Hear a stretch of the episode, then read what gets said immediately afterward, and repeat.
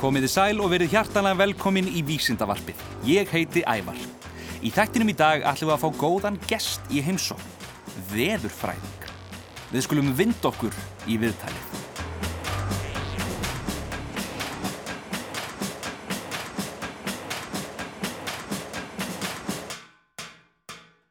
Elín Björk Jónasdóttir, velkomin. Takk fyrir. Þú ert veðurfræðingur. Já, Hvað gerir veðurfræðingur? veðurfræðingur gerir ímislegt. Náttúrulega spáir í veðrið, Já. en kannski segja sér svolítið sjálft.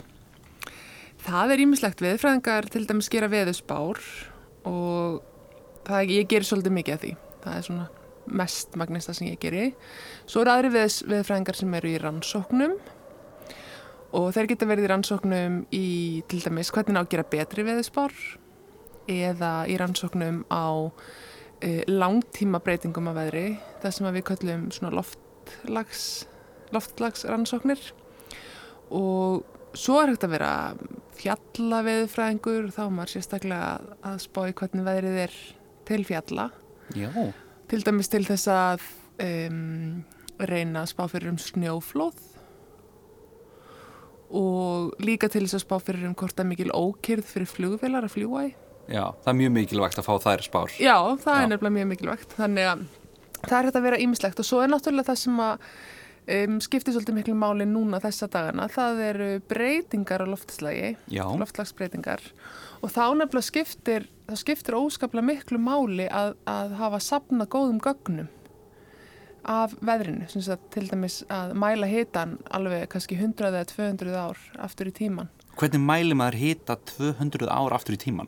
Já, þá, þá er maður, ef maður býr á Íslandi, ofsalega heppin af því að það voru til dæmis mjög svona, um, uh, já, menn uh, sem að voru hér á Íslandi sem að, sem að áttuðu sig á þessu í kringum 1850 og hérna að það væri nú kannski ágætt að, að skoða náttúruna og þar með veðrið. Þannig að við eigum hitamælingar, til dæmis frá stikkisólmi, alveg ósleitna seríu, mjög langt aftur í tíman Já, og hún er bara einhver lengsta seríu í heimi.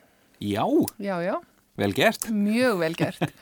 og hérna, og svo er hann frá Teigarhorni sem er á Ístfjörðum Já, og hérna, þannig að við, við áttum svona forsjált vísindafólk hér á árum áður.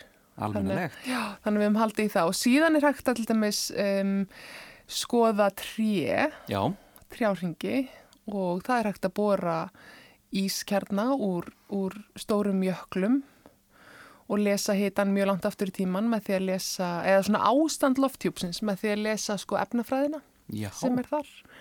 Og nú eru vísindamenn til dæmis að, að reyna að bóra sér niður e, á söðuskautinu í kjarna sem að gæti kannski sagt okkur hvernig veðrið, eða svona veðurlægið var fyrir miljón árum. vá. Já, já. Það, og held, heldur að, að þeim takist það? Ég hef reyndar ekkert séð um þetta nýlega en já, ég, ég held að á endanum takist þeim það sko. Hvað þarf maður að bora langt niður til þess að finna veðri fyrir miljón ára? Alveg fleiri hundru kílómetra.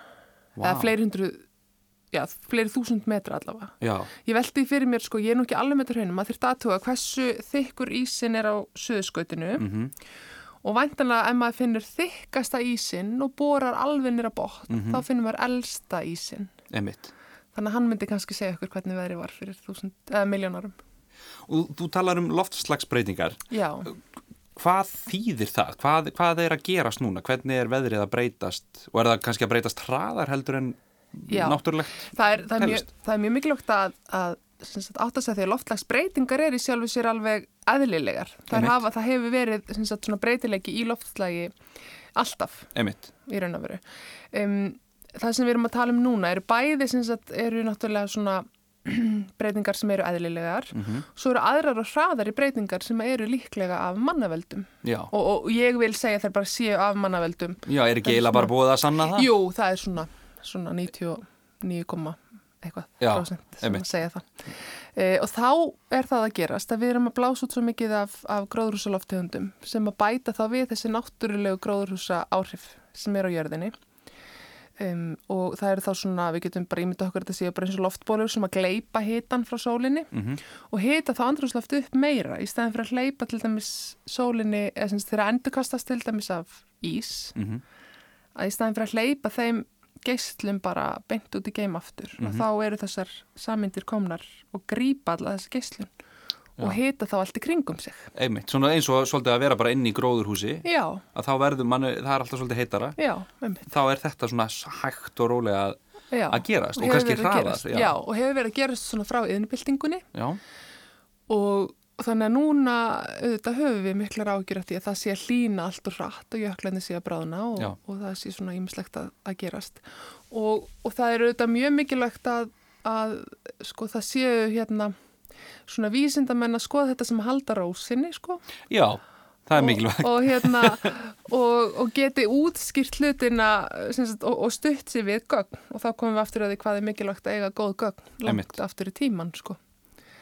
þannig að þetta er svona, þetta er langklöp að, að rannsaka loftslægið En, en hvað er hægt að gera? Til dæmis eins og núna er staðan kannski ekkit svakalega góð en hún er Mhm. ekki vonlaus. akkurat, Hvað, þú veist, hvað getur maður gert til þess að bara maður sjálfur til dæmis? Maður getur kannski, sko það er bara að vera og bara svona meðvitaður kannski um að, að reyna að nota bílin aðeins minna, kannski ganga meira, nota almenningssamgöngur um, það sem telur nú helst í til dæmis útblæstrin og tölum við um semst, útblástur af því þetta er, ef þú ert að brenna bensín eða brenna olju, það sem telur helst er kannski flugferðir já, þannig að það er ekkit ofslega umhverju svænt að fara opaslega margar ferðir til útlanda frá Íslandi Einmitt. á ári, þannig að ef maður getur þá er hann kannski sniður að fara eina langa ferð frekar en margar stuttar ég skil. og hérna, þannig að það er ýmislegt og svo, svo held ég að, að við þurfum líka að passa uh, til dæmis öll svona eiturefni að, að farga þeim rétt að þau fari ekki út í, út í náttúruna Einmitt. og það, það þetta hafi verið gerðið nokkri svona samningar, loftlags samningar um að breyta eða minka útblástur gróðurhúsaloftegunda og, og svo leiðis en þeir hafa kannski ekki tekist neitt ofsalega vel Nei, maður heyrir alltaf reglulegi fréttunum að hel, helstu leiðtógar allra ríkja hittust í dag einhvers Já. staðar og, og rættu málinn. Já, og núna nýjast er sem sagt Parísarsamkommulagið. Já, Þar áður voru nokkur svona samkommulög og það er allmis helst kannski Kyoto-samningurinn sem að maður, svona, ef maður fer að skoða þetta, leita sér einhverja upplýsinga, þá er hægt að skoða það. já, og, og hva, hvað er ákveðið? Þeir hittast og þeir á... á Þá ákveðir er einn að draga úr þessari losun á gróðurhúsloftöfundum, til Einmitt. dæmis að í, í staðin fyrir að nota kól, að nota, reyna að nota vassafl eða, eða varmaorku og, og annað slíkt, sko. Einmitt. og það er í raun og veru það sem skiptir langmestu máli. Þessir samningar hafa ekkert gengið rosalega vel eftir af því að það eru svo margir sem að sko, þetta kostar svolítið mikla peninga að, Að breyta þessu. að breyta þessu Einmitt. og það eru auðvitað fullt af fólki sem að fær fullt af peningum fyrir að selja ólíu og Einmitt. svona þannig að, þannig að fólk er ekki alveg sammála. En það er einn samningur sem að gekk nefnilega mjög vel. Já, Það var Montreal sáttmálinn. Uh, mér minnir hans sér frá 1988 en hann snýra því að laga gatið í ósónleginu já. af því þá er semst ósónlægið sem að er mjög hátt uppi og í raun og veru fyrir ofan veðrakolfið það er lag sem að vera okkur fyrir útfjólubláu geislum sólarinnar Mhm. og þeir geta verið stór hættulegri ef þeir eru ofan miklir og, og það sem sagt kom í ljós á, á nýjönda áratögnum að, að það komi risastórt gat Já, í ósónlægið einmitt. Þannig að þá er svo lítið að þessum ósum samyndum að, að grípa út fjölblagkesslana. Og þá, eftir svolítið rannsóknir, þá áttuðu vísindamenn sig á, sig á að þetta voru sem sagt svona CFC-efni, karboflúorklórið efnið, Já, og sem voru til dæmis í svona kæliskápum og spreybrúsum og, Einmitt. og svo leiðis. einmitt. Og þessi Montreal sáttmáli, hann fjallaði um að það að bara útrýma þessum efnum. Mhm. Og það vildi nú svo vel til að það var einhverjir doktorsnemar í háskólum búinir að í raun og veru uh, búa til efni sem gáttu komið í staðinn Mhm. sem að voru ekki jafn slæm. Þannig að þessum efnum var útrýmt á alveg ótrúlega skömmum tíma Já, á heimsvísu og ósónlegið bara lagðist. já, Já, það gatið- er allavega einhverja góða fréttir. minkaði og hérna, þannig að þetta er alveg hægt en það þarf sem sagt að leggja sér svolítið fram Mhm. og, og það sem við erum náttúrulega núna að gera til dæmis og fullt af fólki er að vinna því að hérna, búa til betri sólarraflur Mhm. og betri vindmillur þannig að við getum semst fengið orku úr einhverju öðru en olju. Já. Ég held að það liggi allt, og- standa allt og falli með því. Hvað þarf maður að læra til að verða veðurfræðingur?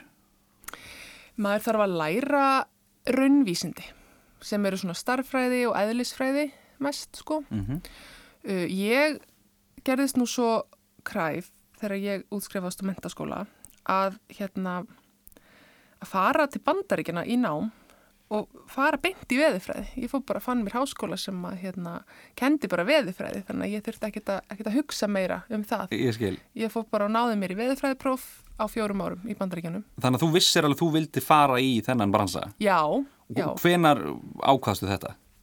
Ég ákvað það nú svona ekki fyrir en ég var í mentaskóla. Ég var í mentaskólanum á Akureyri Já. og það er mjög skemmtilegur kennari sem heitir Jónas Helgason. Hann er endar hættur núna. Ja, hann, hann kendi mér líka. Æmitt, og hann kendi bæði, sem sagt, kendi mér jarðfræði Já, og þá ætlaði ég auðvitað að verða jarðfræðingur. Að af því sjálfsögðu. Hver ætlar ekki að verða jarðfræðingur þegar Jónas kenni jarðfræði? nákvæmlega. Akkurat. Og síðan árið síðar, þá, sem sagt, þegar ég var í öðrum bekk á náttúrfræðibrið, þá kendi hann veðifræði. Já, Og það fannst mér svona stór skemmtilegt og, og hann svona segir svolítið í framhjólhaupi, það vantar líka alltaf veðifræðinga. Ef ykkur langar að gera eitthvað sem að það sem þið vitið að þið fáið vinnu, þá skulle þið fara í veðifræði. Og ég hafði þetta alltaf svolítið svona bak við eirað af því Já. að nú fannst mér, nú er ég alveg upprindar svo er í garði og það er rosalega kvast, afi minn og sjómaður Já. og ég þurfti að, þú veist, við fylgdumst vel með veðrinu og ma- ég lærði svolítið að lesa í veðrið með honum mm og þannig að ég hafði þetta svolítið svona bak við eirað eftir þennan áfanga hérna hjá honum Jónasi og svo fór ég til dæmis í, lí- ég hafði svo sem hugsað mér kannski að verða læknir eða eitthvað svona, svo fór ég lífarinn efnafræði og fannst hún rosalega leiðileg ég skil. þannig að þá bara sá ég ok, ég verð ekki læknir augljóslega, og líklega ekki líffræðingur Nei. og mér fannst já, veðurfræðin skemmtilegur en jarðfræðin þannig að þetta svona bara gerðist svolítið að sjálfu sér. Þannig að já, ég fór til bandaríkina í háskólan í Oklahoma sem var mjög gaman og hérna lærði veðurfræði þar og eldi skýstróka og, og hérna, Já, býtu, nú Já. verður það að stoppa. Já, Þú eldir skýstróka Já. og fyrir þá sem veit ekki hvað skýstrókar eru, þá er það svona, ma- maður hefði, hvirvilbillur og skýstrókur, það er ekki það sama. eða sko hvað? hverfilbylur og skýstrókur er það sama en fellibylur Já, það er það, já. Já, er annað. Skýstrókur er það sem heitir á ennsku twister eða tornado Já, og þetta eru svona eins og fólk sem hefur sér galdrakallin í Ós Einmitt. þá lendi, lendi þau hérna í, í skýstróki Dorotea og já. Toto Og það sem flestir kannski reyna að flýja svoleiðs fyrir bæri, þá Já. varst þú að elda Já. skýstrók. Já. Hvernig eldir maður skýstrók? Já, maður fer bara upp í bílinn sinn eða bílvina sinna eða, eða Er ekki betra að nota bíl vina sinna ef að Jú, bílinn skemmist? Jú, það er mjög já, einmitt. gott og, hérna, og maður fer sem sagt bara verður náttúrulega að vita hvernig veðri- veðurspáin er og vita hvernig maður á að, Mhm. að lesa í kortin og það er rosalega mikilvægt að vera á eftir skýstróknum Já, ekki á undan honum já, þannig að þú sérð hv- Þú hvert sérð hann hefur sem sagt- farið. Mhm. Já, hann er að fara á undan þér uh, og hérna, og svo þarf maður að vera mjög meðutæður um alla vegi, hvernig kemst maður sko í skjól Já. ef að til þess kemur Einmitt. og náttúrulega vera langt í burtu sko, Já. þetta, er, þetta er stór, stór hættulegt og hérna, og ég komst aldrei í raun og verið neina nálægð Nei. við skýstróka en það voru þarna reynda nokkra nætur sem ég bjó, sem, sagt, sem að ég þurfti að fara í svona stormbyrgi bara Já. af því þá var ég bara heima hjá mér og svo kom bara viðverunabjöllur sem að þýtti þá að, að það var hérna Það var hægt á ferðum. hætt á ferðum, þá var komin sem sagt, þá viðvörun og, og skýströkkur einhvers staðar í nágruninu komin sem Vá. sagt, á jörð og þá fóðum maður bara í svona fyrirfram ákveðin, ákveðin hérna, stormbyrgi. Í mín tilfelli e, var það körfuboltahöllin fyrst þar sem ég bjó Já, og með risastórun svona kellara og Já. þar gætt maður verið og svo vann ég á hérna, vísindasögu bókasafninu í skólanum já. sem var uppi á 50 hæð með ómetanlega handrit inn í svona steinsteiftu byrgi Já. semst, inn í miðjunni þannig að við gáttum farið þangað ef að það kom eitthvað upp á eða farið niður í kjallarna bóksafninu sem var líka mjög sterkbyggður Og, og kom skýstrókurinn yfir eða fór hann framhjá? Nei, hann fór fram hjá hérna, borginni sem ég bjói eða bænum sem ég bjói Mhm. en, en hérna, fór þarna mjög nálagt bæri sem heitir Mór í Já. Oklahoma Já. Þess að skrifað M-O-O-R-E og E. sá bær hefur orðið mjög illa úti e, í skýstrókum undan farin 20 ár og ég bjó mjög nálagt en sem sagt bærin minn slapp en, en þessi bær hérna Mór, hann, hann varð fyrir barðin á þessum skýstrókum, þetta var 2003 í mæi Og en þe- þegar þú talar um að þið eru að elda skýstrókana, mm Mhm. þið eru þá að rannsaka eitthvað væntanlega? Já, veðurfræði nemar eru rosalega mikið bara að taka myndir og átta sig á hérna bara hvernig þetta gerist, hvað fylgir þessu og svo tekur maður náttúrulega sér maður það rópaslegt haglið sem fylgir og þá er maður oft með tommustokk með sér og er að mæla sko, Já. hvað, þetta er, hvað haglið er stórt. Um, síðan eru sko stór rannsóknarverkefni eh, sem að sem að hafa tekið uh, eða sem að hópur af stúdendum, nefndum, hefur tekið þátt í og þá hérna keira sömur bíla með veðurstöð á þakinu það sem Já. er svona vindmælir og hitamælir og rakamælir Já. og, hérna, og þá þarf maður að fara svona fyrirfram ákveðina punta til þess að sko það setja, ma- þú veist, mæla veðrið á öllum stöðum í kringum sem sagt, skíið sem að framleiðir skístrókana Já, já, já, já. og hérna og svo eru sömur í því að sleppa svona veðurblöðrum uh, í nágruninu til þess að sjá hvernig sko hitin uh, breytist með hæð og vindurinn breytist Já. með hæð og svo eru aðrir sem að fá að sitja í með kennurunum og eru þá kannski með einhver svona stóra græjur eins og veðursjár, svona færanlegar veðursjár Veðursjá, hvað Já. er veðursjá? Veðursjá er það sem heitir radar á ennsku, heitir veðursjá á íslensku og það er svona e, stór eiginlega stór tæki sem snýst Mm og sendir frá sér svona bylgjur Já, í, í hverjum snúningi og ef að bylgjan lendir á, á hérna, þetta eru svona langar bylgjur sko já, og ef að bylgjan lendir á regndrópa já, þá endurkastast merkið aftur í radarinn ég skil.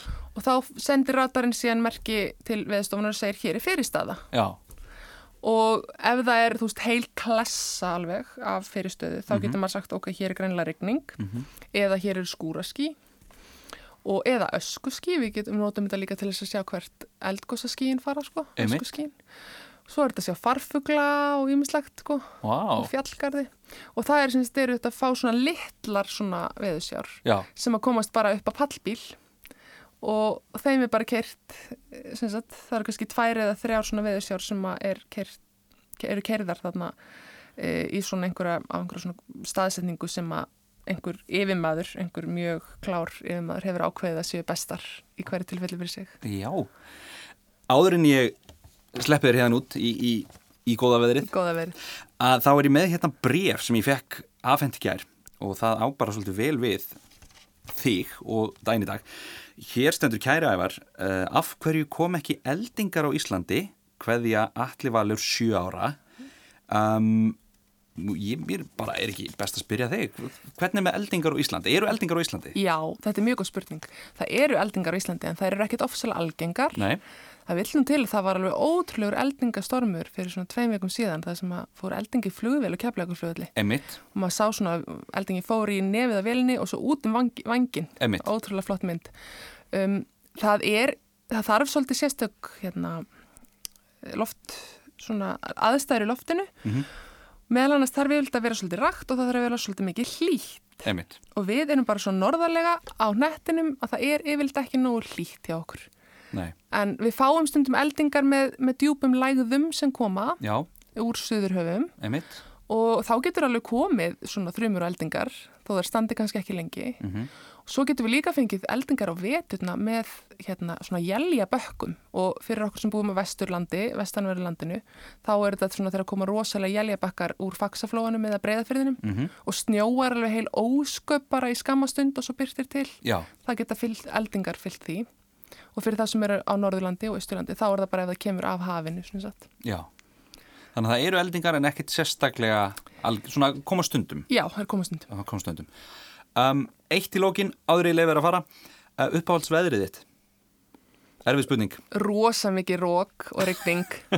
og vera þá inni eða úti í veðrinu sko, mér finnst rosalega gaman að vera úti í, í sko svona hauga rigningu Já, þegar alveg bara regnir eld og brennistinni já, eh, en þá er kannski ekki gott að sé ofsalega mikið rók. nei Þetta, það, það er, það er, þetta er mjög góð lokaorð eh, Elin Björk Jónasdóttir um, veðurfæðingur Já. og, og, og bara eiginlega veðursnillingur ég geti spjalla við þig hérna í marga klukkutíma uh, Takk fyrir spjallið Takk fyrir mig.